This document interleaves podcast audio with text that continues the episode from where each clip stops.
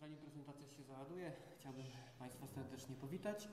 I e, aktualnie studiuję psychologię na SWPS w Sopocie, jednak kończyłem też studia z kognitywistyki na UMK w Toruniu, więc e, to, co dzisiaj będę przedstawiać, wynika raczej z zainteresowań z poprzednich studiów e, kognitywistyki. I w tym ujęciu będziemy zajmować się narzędziami i ucieleśnieniem. I w mojej prezentacji chcę skupić się na kilku kwestiach.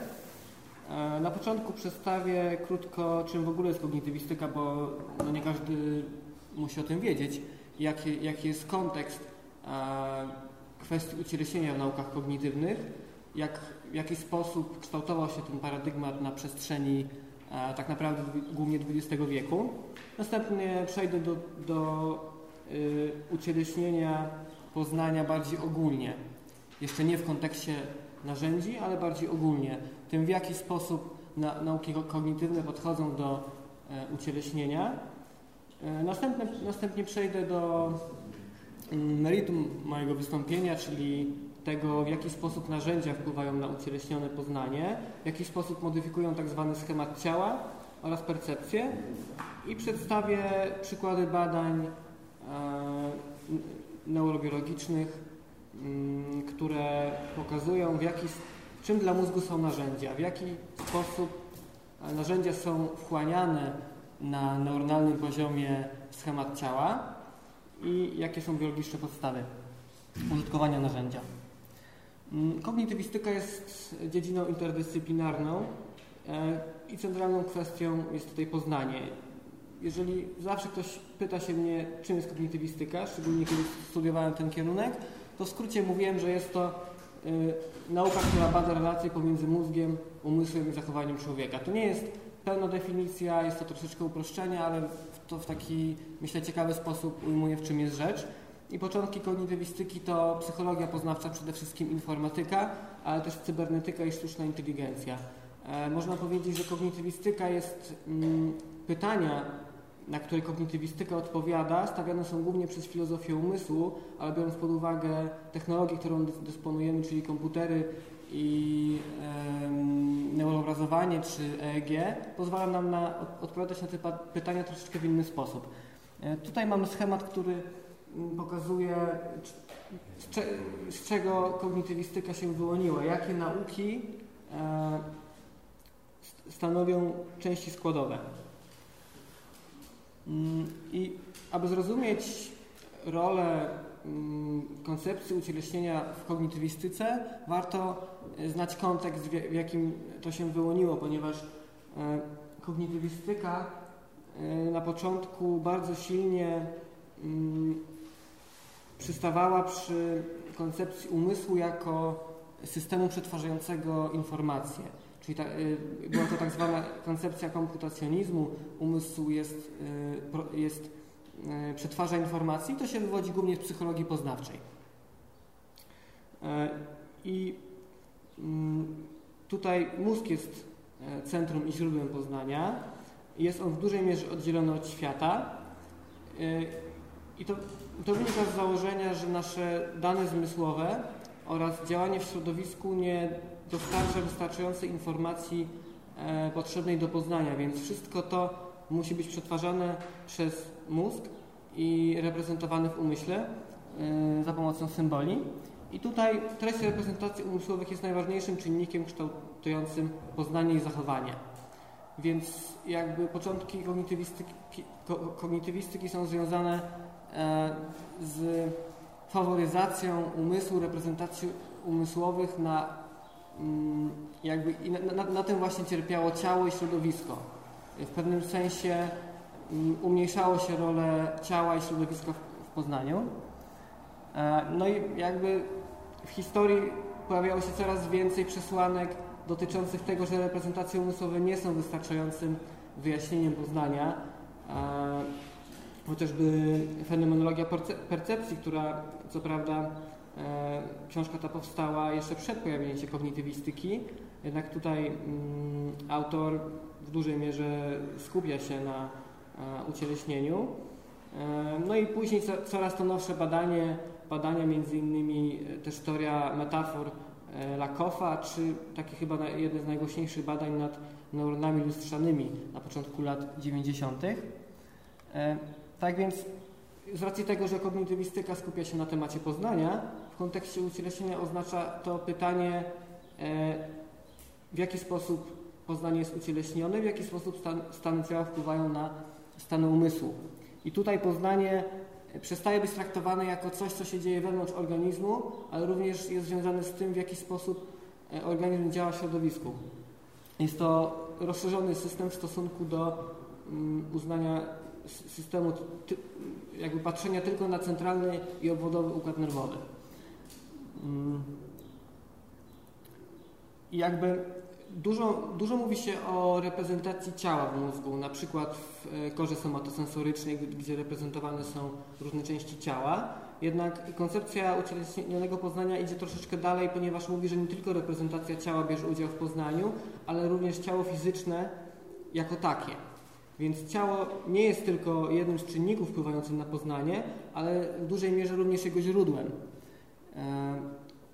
I Mm, Shapiro wyróżnił trzy e, role koncepcji ucieleśnienia w kognitywistyce. Konceptualizacja, zastąpienie i kontynuacja. Konceptualizacja jest to wyjaśnienie e, kwestii, które wcześniej były wyjaśniane za pomocą reprezentacji umysłowych, za pomocą koncepcji ucieleśnionego poznania. Zastąpienie oznacza to, że rezygnujemy z poprzednich wyjaśnień, uważamy je, za niewystarczające i e, zakładamy, że reprezentacje umysłowe nie są w stanie wyjaśnić zachowania i poznania, a kontynuacja jest to y, jakby takie mm, złoty środek, czyli uznanie, że z jednej strony reprezentacje umysłowe y, dużo są, y, tak jakby to podejście może nam dużo wyjaśnić, ale pewne kwestie muszą być ujęte e, w ramach koncepcji ucieleśnienia. I tutaj jakby troszeczkę powtarzam e, te slajdy, kilka slajdów wcześniej, i to są etapy rozwoju ucieleśnienia w kognitywistyce. Można takie cztery etapy e, wyróżnić, czyli fenomenologiczny, lingwistyczny, neurokognitywny i ewolucyjny. Mm, I jakby ten etap neurokognitywny trwa do dzisiaj mm, i dość mocno jest rozwijany i to oczywiście wynika z tego, że posiadamy technologię, która pomaga nam e, badać e, neuronalne podstawy różnych zachowań i poznania.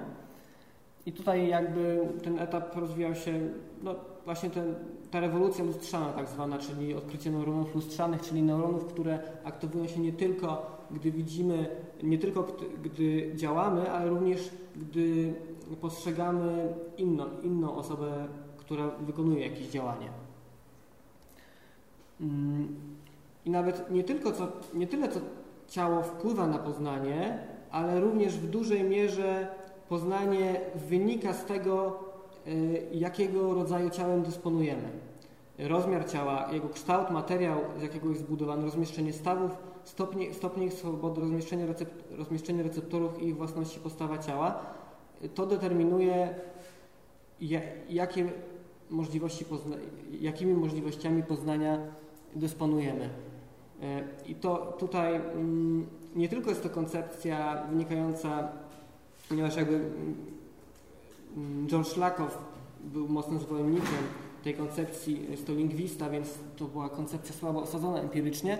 Natomiast są, są badania neuroetiologiczne, które wskazują, że rzeczywiście różne zwierzęta, ich możliwości poznania wynikają z budowy ich ciała. No to wydaje się dosyć jasne, jeżeli posiadamy zmysły takie, jakie posiadamy, zmysł, a nie takie na przykład nietoperze, które nie widzą, to wszystko to determinuje to, w jaki sposób jesteśmy w stanie działać w rzeczywistości.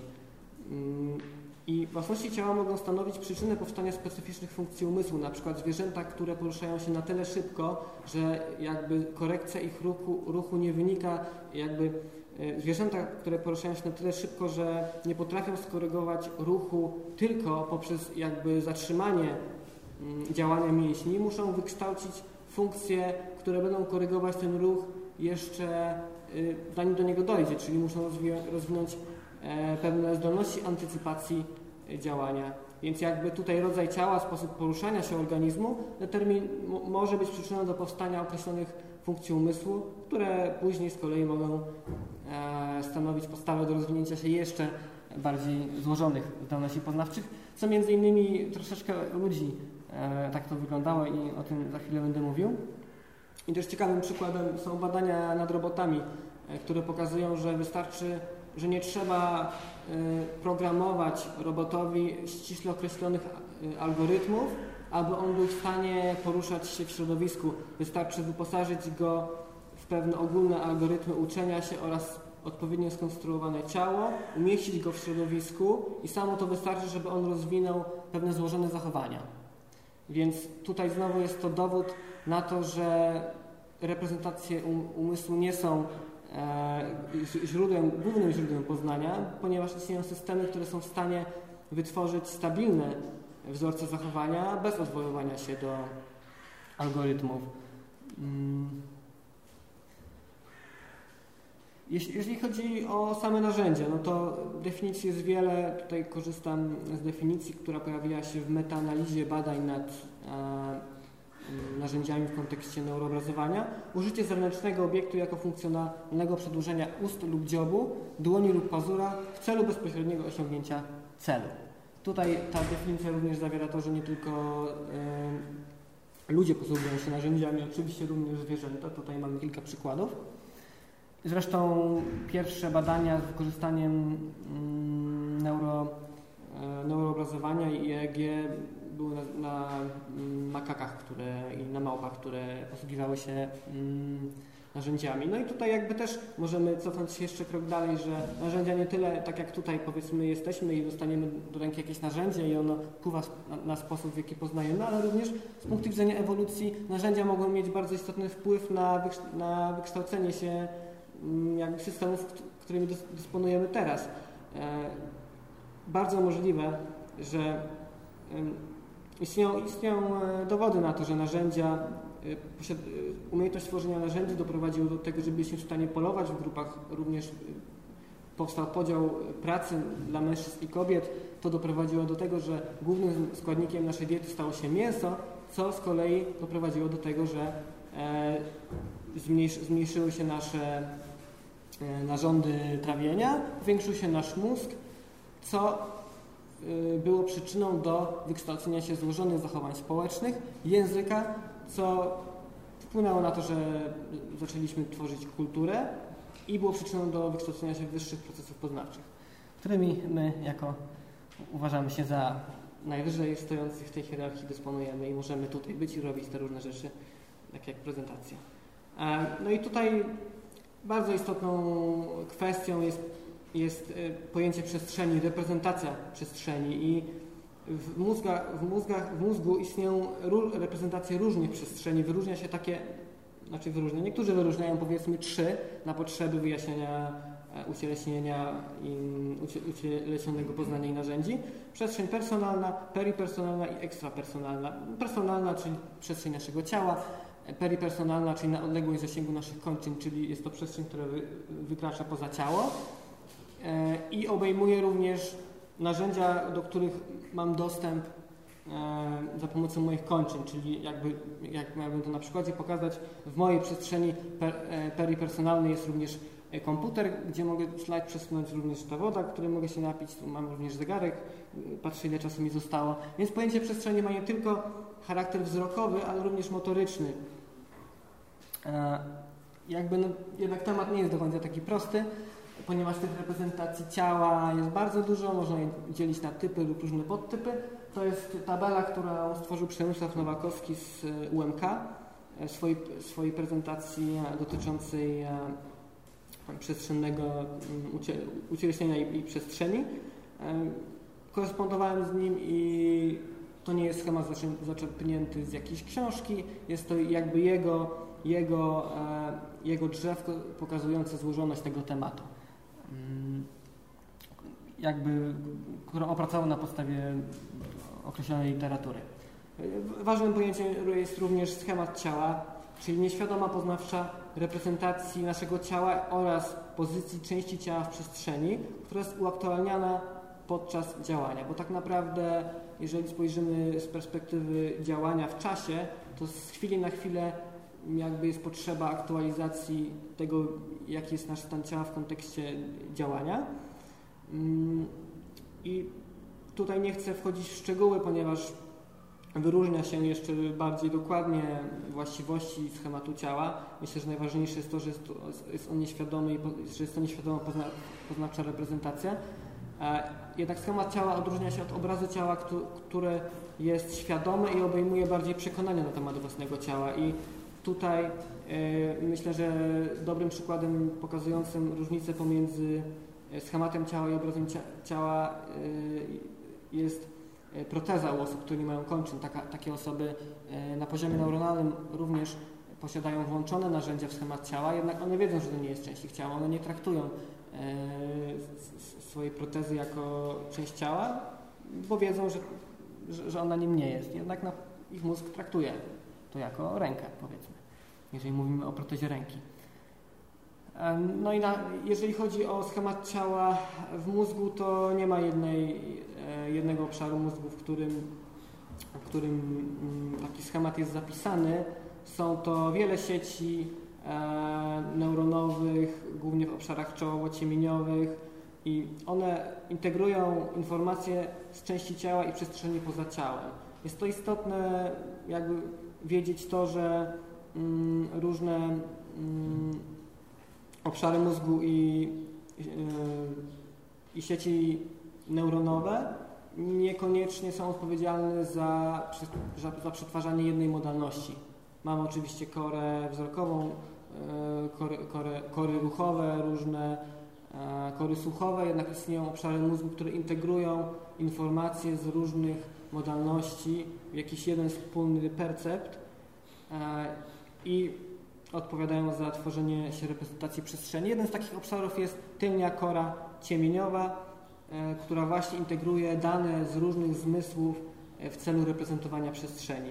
No i oczywiście tutaj ważny jest również zmysł prioprocepcji, prioprioceptory, czyli receptory na naszym ciele, E, które dają nam informację, jak, w jaki sposób nasze ciało jest ułożone. I Oliver Sacks mm, e, określa to jako szósty zmysł. Mm, więc są neurony, które aktywują się w odpowiedzi zarówno na informacje wzrokowe, jak i motoryczne, ponieważ na przykład mamy kilka, kilka kur, e, kur, pól wzrokowych, kur w imię to brzmi, jak, jak kur zwierzęta, mm, pierwszorzędna kora wzrokowa, drugorzędna i tak dalej, i tak dalej. One są odpowiedzialne za kodowanie różnych wzrokowych informacji. Na przykład jedna kora za, za spostrzeganie tylko ruchu, druga za spostrzeganie koloru, inna za spostrzeganie linii poziomych, pionowych. Więc jakby są wyspecjalizowane obszary w naszych yy, mózgach odpowiedzialne za yy, postrzeganie zmysłowe, jednak są też neurony, które aktywują się w odpowiedzi na, na informacje o dwóch modalnościach. I ten schemat ciała może być zmieniony. On jest bardzo plastyczny i między innymi zmieniają go narzędzia. E, to, w jaki sposób postrzegamy otoczenie, wynika z tego, jakie działania możemy w nim wykonać. Jeżeli jestem tu w tym otoczeniu, to tak jak mówiłem, w zasięgu mojej przestrzeni mam te przedmioty. Jeżeli dostałbym narzędzie, to mógłbym również działać w przestrzeni, która jest, jakby obejmuje mm, szerszy obszar. Jeżeli dostałbym na przykład do przełączania slajdów. Urządzenie to mi przełącza slajdy, jeżeli dostałbym jakiś, jakiś tam powiedzmy, mógłbym jakiś papierek zebrać i tak dalej, i tak dalej. I tutaj myślę, że przede wszystkim warto wspomnieć o badaniach, e, które to potwierdzają. E, pierwsze takie badania, 96 rok, e, i później one były kontynuowane. Makaki były uczone zagarniania jedzenia grabkami przez dwa tygodnie. Na początku grabki były czymś dla nich nowym, ale one nauczyły się, że jedzenie jest na stole troszeczkę dalej położone, więc one mogą y, sobie y, to jedzenie zagarnąć. No i badano neurony bimodalne, czyli bimodalne, czyli te, które odbierają informacje nie tylko z jednej modalności, ale z dwóch w korze ciemieniowej. I te neurony porównują doznania cielesne z informacją wzrokową i ulegają pobudzeniu, gdy rozpoznają ciało.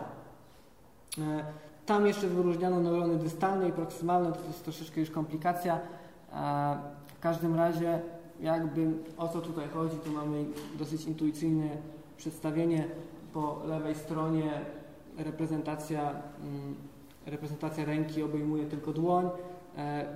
Po prawej stronie widzimy małpę, która nie potrafi posługiwać się narzędziem i ona jakby widząc narzędzie, te neurony bimodalne nie są aktywowane, co oznacza, że mózg nie spostrzega narzędzia jako części ciała, bo gdyby mózg postrzegał narzędzie, tak jak w przypadku małpy, która ma wytrenowaną umiejętność posługiwania się narzędziem, te neurony by e, były aktywne. Czyli po treningu posługiwania się narzędziem e, makaki nauczy, y, mózgi makaków traktowały to narzędzie jako część ich ciała.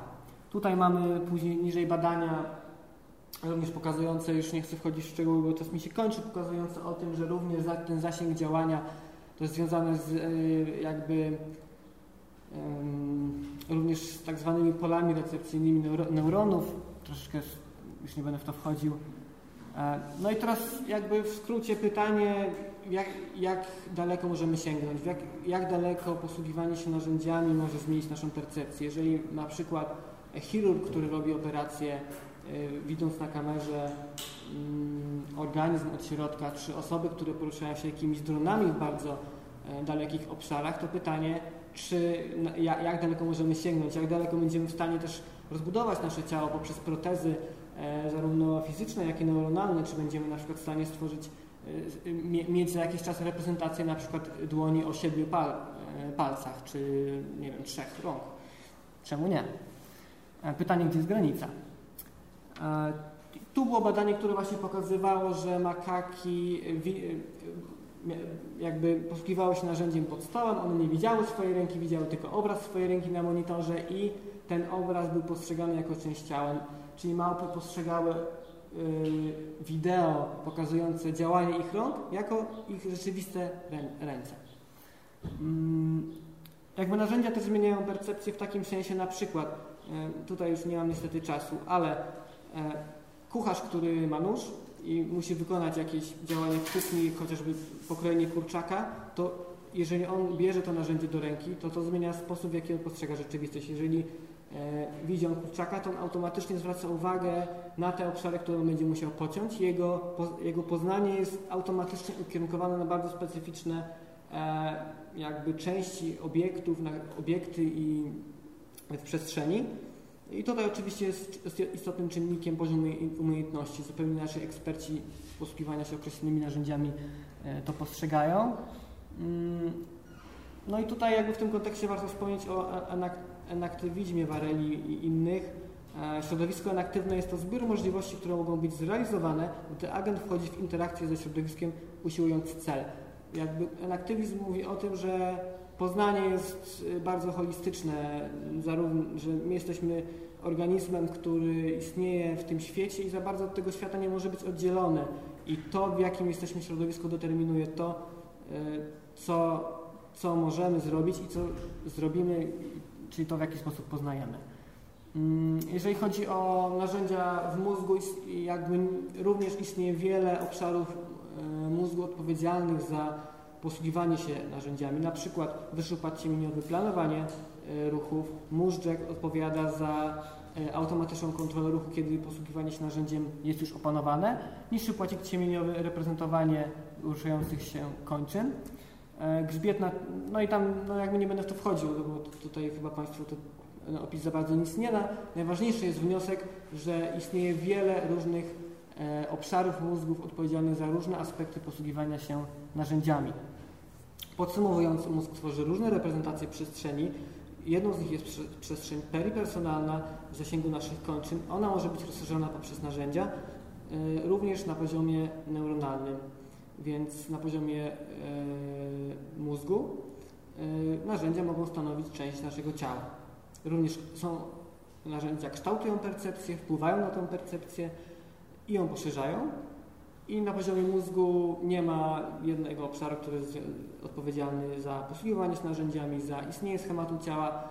Jest to mm, bardzo, jest wiele tych obszarów odpowiedzialnych za poszczególne aspekty, czy też za integrację różnych E, danych. Dziękuję.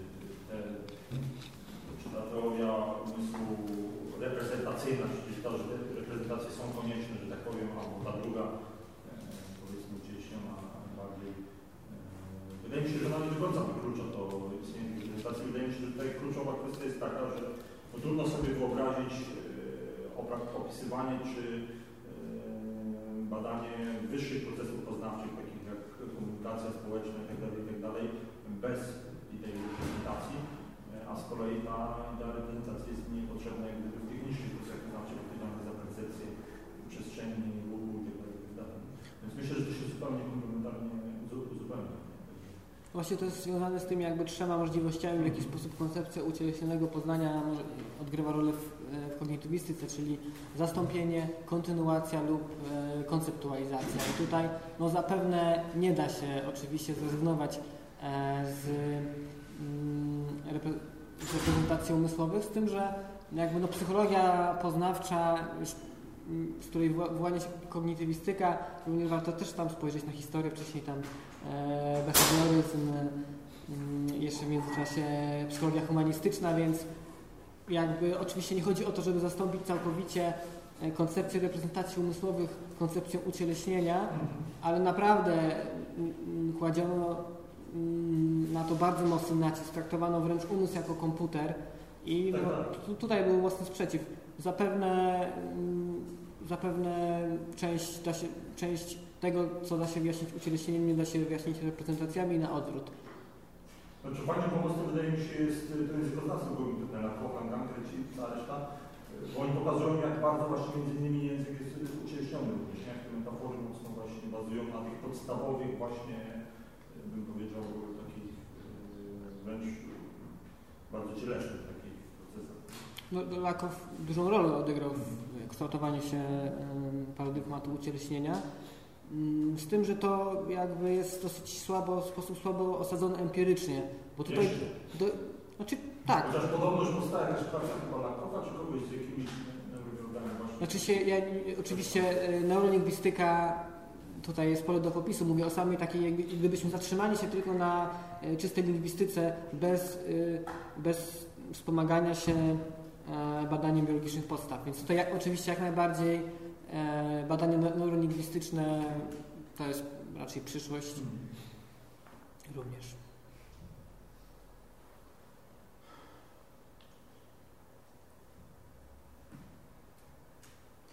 No, jeżeli chodzi o lingwistykę, to jest tylko tak ad vocem, to mm, z najnowszych badań nie do końca wyszło to, o czym Rakoff e, czy Johnson myśleli, mianowicie e, na przykład jeżeli o sobie e, przedstawimy idiom, który, w którym jest wymieniona część ciała, albo jakiś element, który mm, pozwala na pewne affordancje, to w znaczeniu idiomatycznym nie zaobserwujemy mm, sensory motor resonance, jak to się po prostu -hmm. nazywało.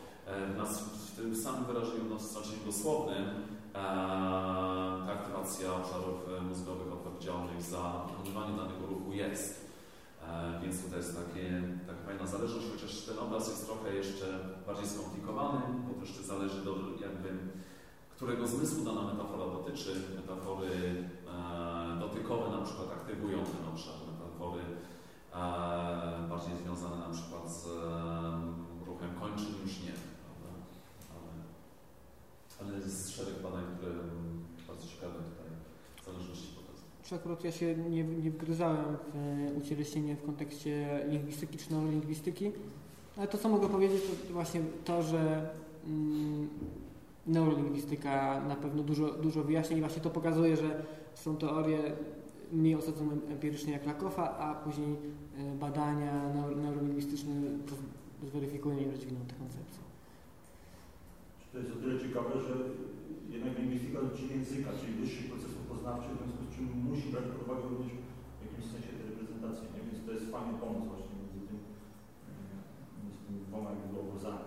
Znaczy, z jednej strony mm, język można odnieść język do reprezentacji, ale również na poziomie neuronalnym język jeżeli chodzi, o różne, jeżeli chodzi o różne zmysły, na przykład w korze sensomotorycznej wręcz jest to rozmieszczone lokalnie. Określone neurony określonej lokalizacji e, kodują wrażenia z określonych części ciała, więc nie tylko e, jakieś duże obszary mózgu aktywują się w, danych, e, nie, są odpowiedzialne za dane funkcje umysłu, ale też lokalnie dane, neur, dane neurony są wyspecjalizowane w e, chociażby reprezentowaniu określonych części ciała i z tego co wiemy, jeżeli chodzi o język, również jest, podobnie. Różne typy określeń również są, mm, są wyspecjalizowane obszary dotyczące mm, oczywiście rozumienia i produkowania mowy, ale również reprezentowania, e, reprezentowania mm, słów określonego typu. Dziękuję bardzo.